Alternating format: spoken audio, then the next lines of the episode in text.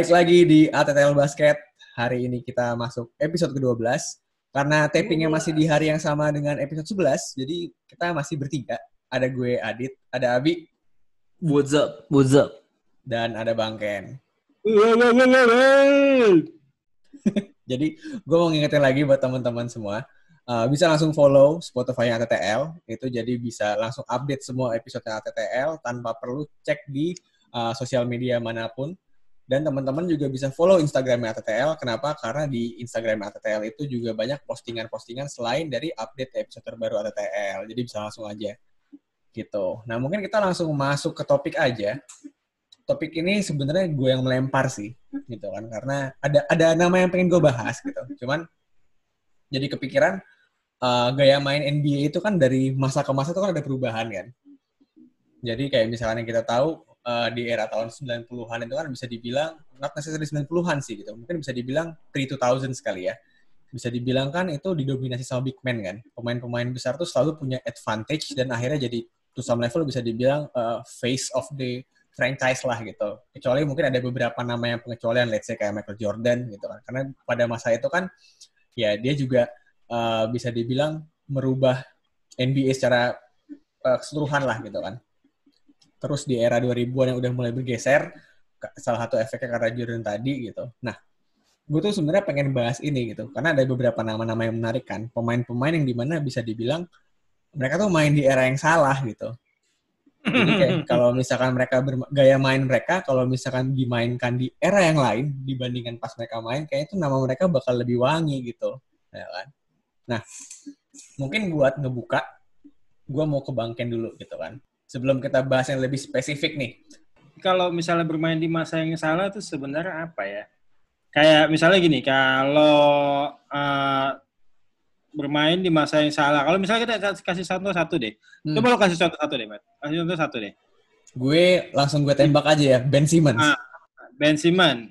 Main di masa yang salah ya kalau kalau menurut gue sih uh, waktu waktu kalau kita ngomong Ben Simmons ya dia main di masa yang salah itu menurut gue juga enggak ya. Karena kan dia posisi dia kan dia dengan build up yang six uh, six ten ya six nine kan gede kan. Pada saat waktu drafting day juga dia begitu di pick up mau di pick up juga timnya tuh butuh banyak pertimbangan. Cuman mereka tuh kayak uh, it's too bad gitu kalau uh, kayak such ability itu kita harus pass out gitu. Kita harus kita harus pass di kemampuan yang dia punya gitu. Despite bahwa dia punya kemampuan menembaknya yang kurang gitu. Jadi ya tadi gue bilang kalau masa yang salah sih mereka ya dia mau main di mana masa yang mana pun juga tergantung timnya. Apakah ini kayak uh, post up team kalau enggak apa dia uh, shoot catch and shoot team gitu. Kalau enggak dia punya ball movement jadi tergantung dia setup kalau dia udah decided buat pick up Ben Simmons itu tergantung timnya gitu. Jadi kalau menurut gua it doesn't matter kalau it doesn't really matter kalau dia bisa nge-shoot atau enggak. Yang penting dia kemampuan lain bagus kan kayak dia dia passing dia bagus, dia rebound dia bagus, playmaking dia super gitu. Jadi bisa di combine dengan yang lain gitu. Terus ada satu nama juga kalau yang lu bilang di main yang salah itu kayak si Larry Bird lah contohnya ya kayak tahun 90-an Larry Bird kan dia itu posisi dia tuh kadang-kadang dia mainnya mainnya center. Kadang dia main forward. Tapi dia uh, playmaking juga tapi uh, dia shooter juga dan dia jago gitu. Dia three point contest dan segala macam. Dia salah satu big man yang three point contestnya jago gitu. Maksudnya dia dia dia champion gitu kan. Jadi um, bisa dibilang dia main di tim yang salah? Enggak juga. Karena pada saat itu juga kita bisa ngelihat dia tuh bisa diutilize dengan baik di timnya gitu. Jawabannya sangat normatif ya sulit untuk di, sulit untuk dipatahkan gitu kan. Mungkin sebelum gue menyampaikan apa yang uh, gue rasakan lah gitu kan. Gue mau geser ke Abi dulu. Lu mau nama yang terkenal apa nama yang gak terkenal nih? Bebas. Menurut gue kalau du dua nama yang gak terkenal dulu deh biar asik. Hmm. Menurut gue di zaman-zaman 2010 ini ada dua pemain yang menurut gue bisa bisa lebih jaya. Number one is Alfred Payton itu orang kalau misalnya tahun 90-an, tahun 80-an itu top top top 10 point guard kali. Dia karena di zaman dulu itu kalau gue lihat secara stats juga nih, menurut gue stats never lie. Tahun 90-an tuh point guard tuh average-nya satu liga itu 6 assist per game seorang point guard. Sekarang tahun tahun 2010-an ke atas tuh cuma 4,2. Oh turun ya? Turun bos. Jadi menurut gue karena orang-orang yang kayak LeBron James, yang kayak Kevin Durant, yang bolanya di small forward small atau kayak Nikola Jokic atau kayak um, siapa lagi tuh? Sabonis. Itu kan mereka jadi bisa jadi fulcrum kan? Di offense. Jadi titik berat offense. Menurut gue the game has changed has evolved. Orang makin eh, pelatih makin kreatif. Jadi point guard yang benar-benar um, dikasih bola tuh jarang. Cuman kalau misalnya Alfred Payton sekarang aja di average 7 assist per game main zaman dulu wah mungkin bisa lebih lebih lebih lebih cam kali itu Kayak Rondo kali ya. Iyo, dan zaman dulu nggak ada emphasis di three point shooting, di mana itu adalah kelemahan dia sekarang. Menurut gue Alfred. Eh, Bi, sebelum lo lanjut, gue pengen nambahan dikit. Dan nih kalau misalkan Peyton main di masa masa-masa dulu gitu, ya, dia rambutnya kayaknya nggak bakal kayak gitu deh. Itu dia. nggak ngalangin, nggak ngalangin itu lah, nggak ngalangin dia mau ngeliat ke mana itu. Aduh, jijik banget Ya. itu. lanjut, lanjut, lanjut. Nah, Yang kedua, my, my man Jahlil Okafor. Aduh, itu Tahlil. tim. Ken esque dia waktu gua waktu itu mungkin awal-awalnya nih kali ya awal-awal Instagram sebelum overtime itu meledak tuh dia- dia kayak one of the apa ya highly regarded high school players lah kalau sekarang kan lu ngeliat high school players gampang banget kan di, di overtime gitu-gitu tapi ya dia out of Chicago high school waktu itu di, digadang-gadang the next team dan kan eh NBA-nya jadi suka three point jadi suka nge-shoot. Dia gitu inside scoring nggak kepake banget. Terus gue kayak ah, siapa gitu yang nge- nge-burn pick eh, Sixers ya? Menurut gue Sixers nge-burn third pick apa di dia. Dan itu sayang banget sih. Mungkin dia harusnya bisa lebih inilah lebih lebih apa ya? Bahkan kalau dia lima lima enam tahun lebih cepat aja mainnya. Hmm, mungkin lebih ini kali lebih survive kali. Jahlil. Hokinya sih kurang sih kalau Jahlil. Nah, kakinya kurang. Ketemu, ketemu kurang, kurang, kurang lama zaman dulu. Terus kalau nama terkenal gue ini sih, ini tapi pemain ini rada-rada timeless sih. Kalau tapi Reggie, sorry mungkin lu akan bilang Reggie Miller, Matt, karena Shit, man, itu nama yang pengen gue bawa. ya udah deh, gue ganti, gue Drazen Petrovic. Wah. Em, dia main di Nets, Ya. tapi sayangnya karena dipanggil Silakan.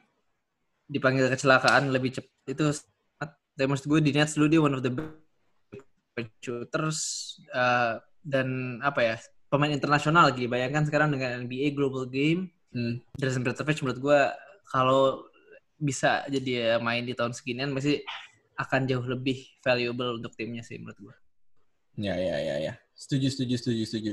Dem, gue demi lo bisa ngebahas Reggie Miller ya tuh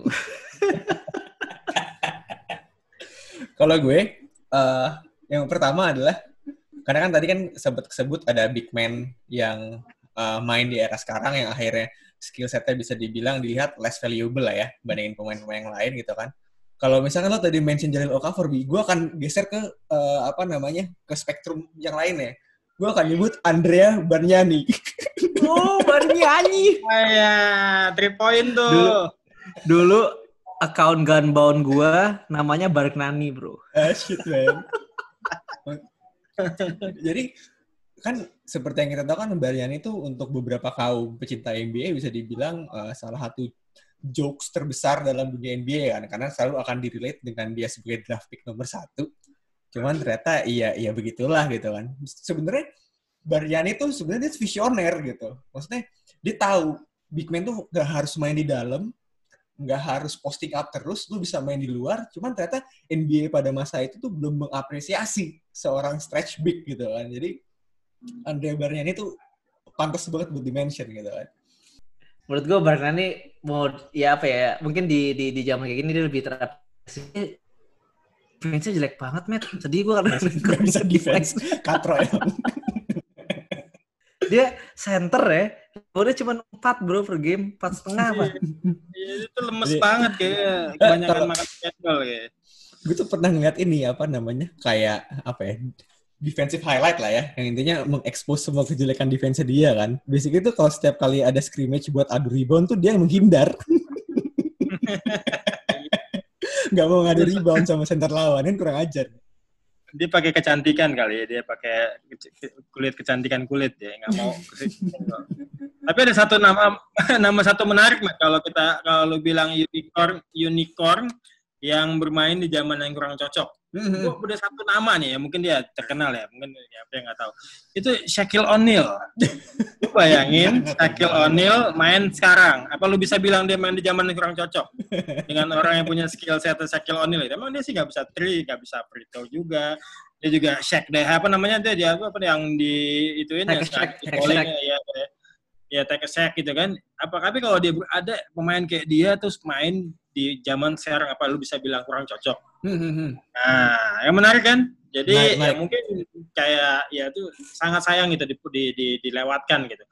Karena dia punya skill set kayak dia, reboundnya dia gila, dia tuh beast gitu ya, post beast, Hmm, hmm. terus uh, unstoppable under the ring. Nah, gitu deh kalau lu anggaplah dia, dia, dia ditaruh di tim kayak Blazer gitu. Nah, kan kita ngomong zaman sekarang tapi dengan orang yang punya skill set kayak dia, apakah kita bisa bilang itu main di zaman yang kurang cocok?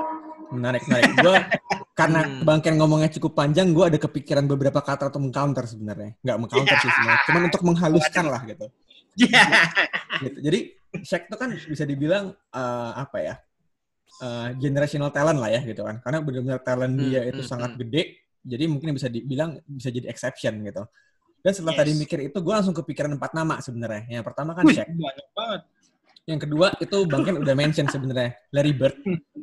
Yang ketiga Ya. itu Magic Johnson. Sama yang keempat Michael Jordan gitu. Kalau Jordan kan kita rasa impact-nya jelas. Bahkan pas Jordan di draft aja kan dia bilang, mana bisa tim itu ngebangun tim dengan seorang guard. Itu yang ngomong kalau nggak salah, ah gue lupa, Moses Malone apa ya.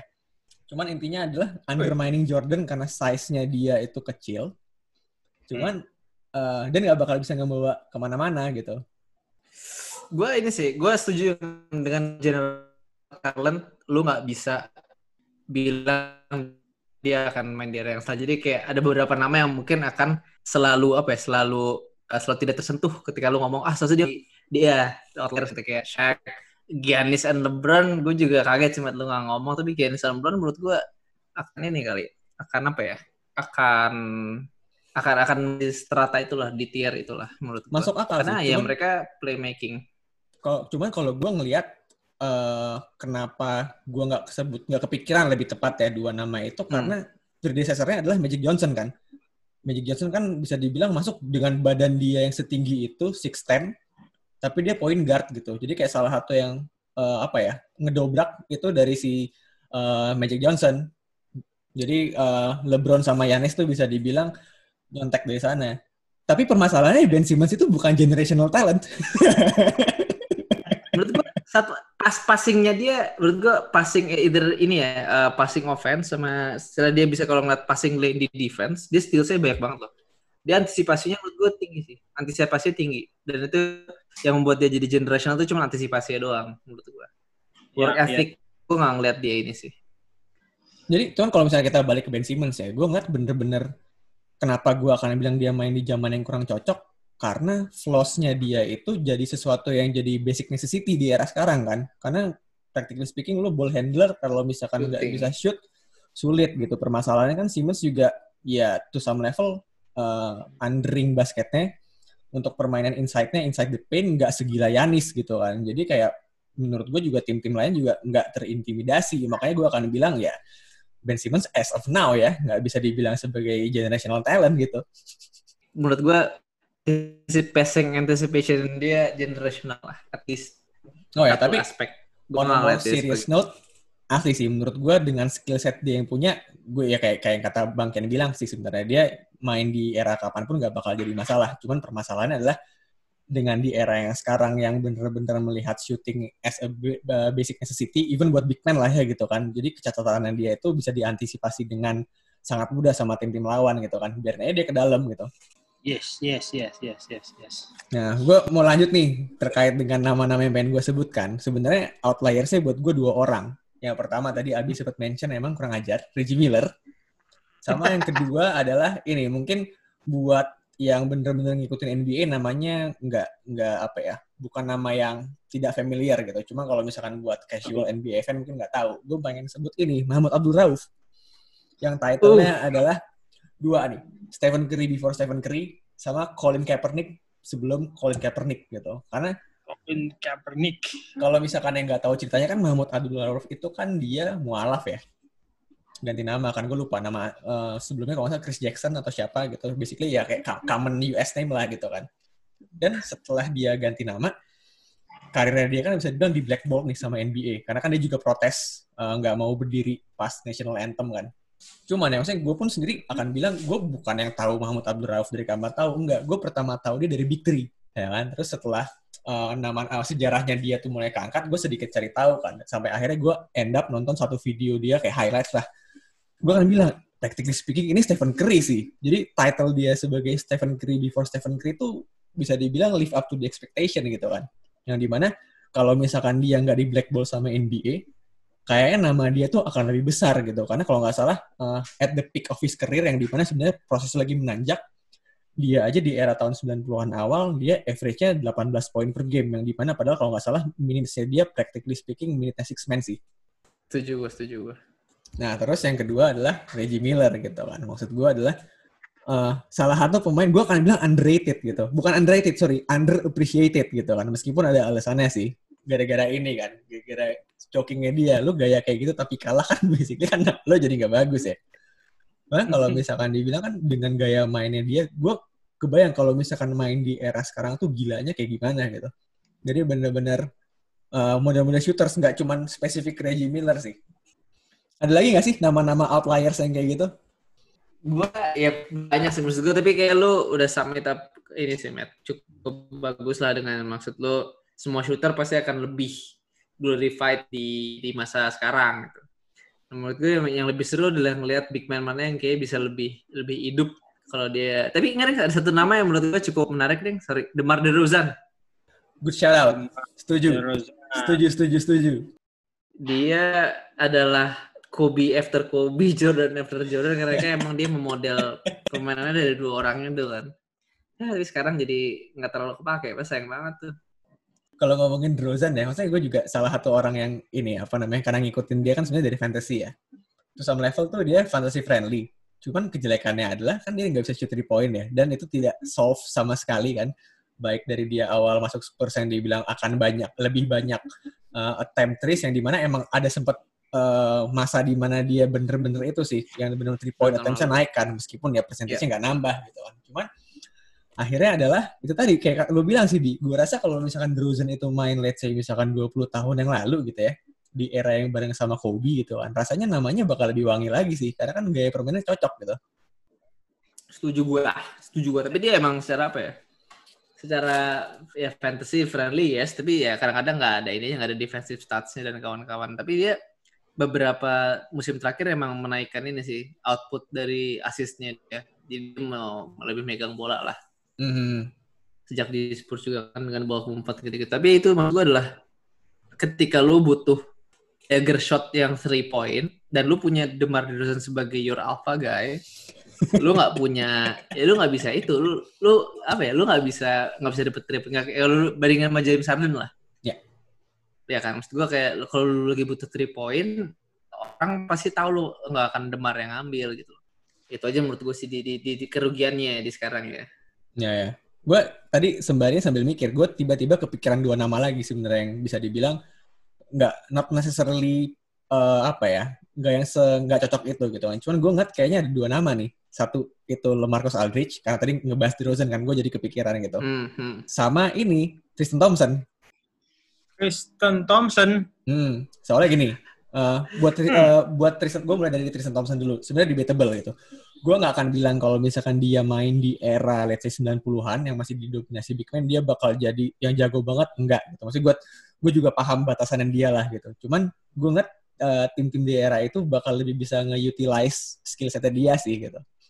Karena kan juga kayak pas Thompson awal-awal masuk NBA kan juga digadang-gadang sebagai salah satu big man yang bisa merubah NBA kan. Hmm, menarik, menarik. Tapi Matt kalau dia di tahun 90-an, hmm. dia nggak bisa pacaran sama nggak bisa pacaran sama Kylie. Gimana dong? 90-an tuh juga ada tahu emang yang di tahun sekarang aja bagus-bagus gitu. Nah, kita coba apa kita the next topic Kardashian di 90-an tuh siapa? gue tahu, gue tahu. Carmen Electra. Cindy Boleh tuh. Rebutan nama Dennis Rodman. Si Itu The Baywatch Girls lah ya, The Baywatch. Pamela Anderson lo jangan salah lo Pamela Anderson. Waduh. legenda tuh legenda. Nah, nah, terus sama tadi Lemarcus Aldridge gitu. Gue maksudnya uh, gue sangat respect dengan Lemarcus Aldridge gitu kan. Maksudnya mungkin gue nggak tahu apakah mungkin terbantu dengan gaya mainnya pop gitu kan.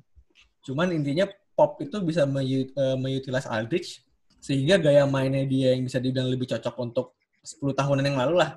Yang di mana udah mulai shifting kan. Maksudnya uh, big man itu udah mulai main mid range mid range juga. Karena menurut gue Aldridge tuh untuk ukuran pemain sebesar itu mid range-nya oke okay banget sih gitu.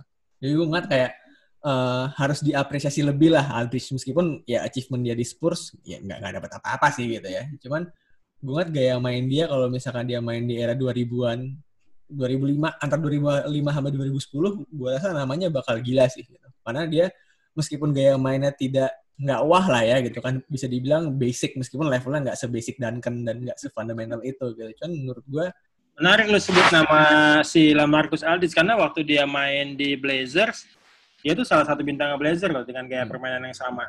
Dengan skill set yang sama, gaya permainan turnaround back jumper dia, dia tuh di Blazers itu lumayan loh. Itu sekitar tahun berapa ya? 2002 kali ya? Atau 2000? Enggak, enggak, enggak. Aldridge itu 2007, 2006, 2007 2006 ya, gituan ya. Iya, dengan skill set yang sama dia termasuk starnya Blazers sama ya, si... Ya, ya, ya. Uh -uh, jadi kalau bilang karena permainan dia tuh kita bisa bilang juga kayak mirip dengan Kevin Garnett. Ya dengan punya skill yang sama dengan punya itu yang sama. Jadi di uh, Kevin Garnett perlu di shout out juga. Kalau dia tuh bagus dia bisa main di kalau dia main di zaman sekarang mungkin ya jadi mungkin timnya mungkin lebih ngangkat karena dia kan dulu kan salah satu pemain yang bisa dibilang uh, wow gitu ya. The, even bahkan at one time dia tuh gajinya dia tuh lebih lebih tinggi daripada Kobe Bryant gitu. Jadi di mana orang tuh percaya dia tuh bisa gitu. Tapi karena dia mungkin main di zaman yang itu kali, jadi ya kurang sporting sistemnya juga, ya kurang angkat kali. Benar benar benar benar. Emang Aldridge apa tapi poin yang agak counter dikit bang kan dia waktu di Blazers tuh liganya belum se poin sekarang sih. Tapi menurut gue dia tetap bisa survive dengan ada hebatnya juga sih si Pop. Kalau yes. satu di Matt, hmm. yang gue ini, gue gak mau bahas pemain, tapi gue masih pelatih yang out of. Ini mungkin Bang Ken bisa bisa ngasih ini nih, ngasih sebagai saksi hidup. Don Nelson bro, pelatih dengan yeah. winning terbanyak, uh, menang apa kemenangan terbanyak di NBA. Dia tuh dulu small ball, sebelum small ball itu terkenal. Hmm. Waktu zamannya Warriors Ranti MC, yeah. terus dia bawa Steve Nash, Dirk, Michael Finley, Terus dia hmm. balik ke Golden State yang pertama kali Golden State gila tuh We yang Baron Davis. We believe Golden State. Hmm. Itu selalu bawa ini loh apa namanya small ball sama eh, itu fast pace. Jadi dulu sebelum NBA waktu tahun 90-an masih pace-nya sangat-sangat low, dia udah main fast small ball. Dan menurut gue itu ini sih, kalau dia bisa eh, dia cocok lah main zaman sekarang. Bahkan dia dulu mungkin adalah sebuah sebagai sebuah orang pionir di, di NBA zaman sekarang sih dengan strategi small ball dan point forwardnya dia. Menarik sih kalau bicara mengenai Don Nelson karena dia salah satu uh, coach yang pernah membawa tim USA Dream Team 2 ya tahun 94 tuh. Dia tuh hmm. dengan gayanya pace dia ternyata cocok gitu. Padahal itu tahun 94 gitu. Hmm. Jadi bisa dibilang ya lumayan lah bagus dia. Shout out to Don Nelson. Tapi gue juga pengen nambahin dikit sih. Uh, gue nggak akan bilang gue yang paham banget gitu. Cuman setelah uh, Abi mention tadi, gue jadi kepikiran gitu loh. Berarti ini orang praktiknya sebenarnya visioner kan. Cuman sayang aja uh, dia nggak kayak uh, Phil Jackson lah ya, yang menerapkan sesuatu yang bisa dibilang berbeda dari masa itu dan bisa membuktikan dengan hasil gitu kan. Jadi kayak gue rasa karena kalau dipikir-pikir era mainnya small ball tuh bisa dibilang kan lebih sustainable dibandingkan triangle ya. Yang pertama karena triangle kan kebutuhannya sangat banyak ya, sangat spesifik gitu kan dibandingin hmm, hmm, uh, lo main small ball. Untuk era zaman sekarang main small ball kan bisa dibilang pemain NBA di atas rata-rata semua bisa shoot kan. Jadi kayak gue rasa dari pelatih-pelatih lain juga uh, mengacunya mungkin awal-awal dari situ gitu. Karena kalau misalnya dilihat lagi kan, uh, gue jadi ingat lagi gitu kayak salah satu awal yang mengangkat shooter-shooters itu adalah setelah uh, We Believe Warriors tuh ngalahin Mavericks. L. Harrington naik lagi Yo, Captain Jack, Stephen Jackson. Tapi maksud gue apa ya, Matt? Lu gak bisa ngomong dia gak ada hasilnya juga sih. Maksudnya, oke okay, hasilnya gak juara lah, tapi 1.300 kemenangan, bro. Oh, itu kan in terms, in terms of dia individual sebagai pelatih kan. Meskipun juga respect-nya adalah berarti dia menunjukkan dia orang yang fleksibel kan? Dan bisa mencoba menyesuaikan gaya main yang dibutuh bukan yang dibutuhkan sih. Gaya main yang ada sekarang dan mentackle dengan cara yang berbeda gimana? Itu sebenarnya satu apa skill set yang mungkin gue akan bilang nggak banyak pelatih yang banyak punya kan? Ya inilah. Live live that up to inilah hindsight. Tapi maksud gue I will gue ini sih. Dia dia inilah coach in the wrong in, in maybe the wrong time. Kalau dia sekarang mungkin tapi kalau dia nge-coach sekarang mungkin akan jadi cuman coach biasa kali ya. Mungkin. jadi nggak jadi pionir. Mungkin. Karena menurut gue Hmm. itu tadi Edge Shadow Nelson adalah karena dia sebagai salah satu pionir kan. Jadi kayak legasinya yeah, dia tuh yeah, yeah, kuat yeah. gitu. Makanya meskipun dia secara accolades belum eh, nggak bawa tim juara karena itu tapi gaya permainan dia tuh ya dipakai dari masa ke masa kan hmm, hmm, hmm. Ya, Ya, benar. iya, iya, iya, iya. Jadi kalau bicara mengenai Don Nelson itu, dia itu kan terkenal dengan uh, point forward ya nama-nama nama nama offense dia tuh. Jadi Hmm. di mana posisi small forward atau combo forward, small forward, power forward itu jadi dia punya responsibility buat uh, jadi point guard.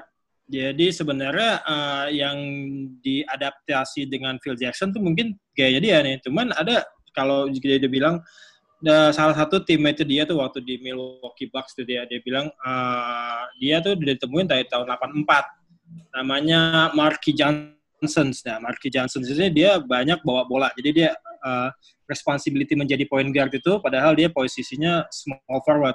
Hmm, jadi mulai dari iya, iya. situ makanya dia jadi uh, jadi si Don Nelson yang ini yang runs pertama kali dia tuh runs uh, offense dengan point forward tadi itu Nah, dia yang berani, salah satu yang berani bilang, oke, lu point point lu power forward, tapi lu punya responsibility buat bawa bola, buat ngatur serangan dan lain-lain. Itu dia salah satu. Maka dia masuk termasuk uh, top 10 coaches of the year in the NBA ya. Menarik tuh Om Ken, karena gue juga dulu pernah inget point forward itu dia awal-awal mencoba mengaplikasikan ke satu orang yang dia latih tuh waktu di Dallas. Namanya Dirk Nowitzki. Terus gagal total. nggak bisa dribble Nowitzki tuh awal-awal mau di mau digadang jadi point forwardnya si siapa si Don Nelson tapi Nelson. Ah. gagal gagal siki akhirnya udahlah kamu jadi shooter aja saya bawa Steve Nash nih untuk untuk untuk temenin kamu yang bisa megang bola oke sukses deh emang Michael Finley nomor tiga Cuman ya kan, kan berarti kan tadi kita ngebahas dengan era perkembangan NBA ya. Bisa dibilang kan makin hari makin progresif. Gue agak penasaran ini sebenarnya. Bahasanya mungkin gini, mau mau dibawa ke mana lagi gitu loh NBA. Maksud terkait dengan prototipe pemain untuk yang bisa dibilang bakal merubah lagi nih gaya permainan NBA di masa yang akan datang gitu. menurut gue mungkin nanti itu kali pas eh, si siapa namanya Eh, favorit kalian berdua Melo noh Lamelo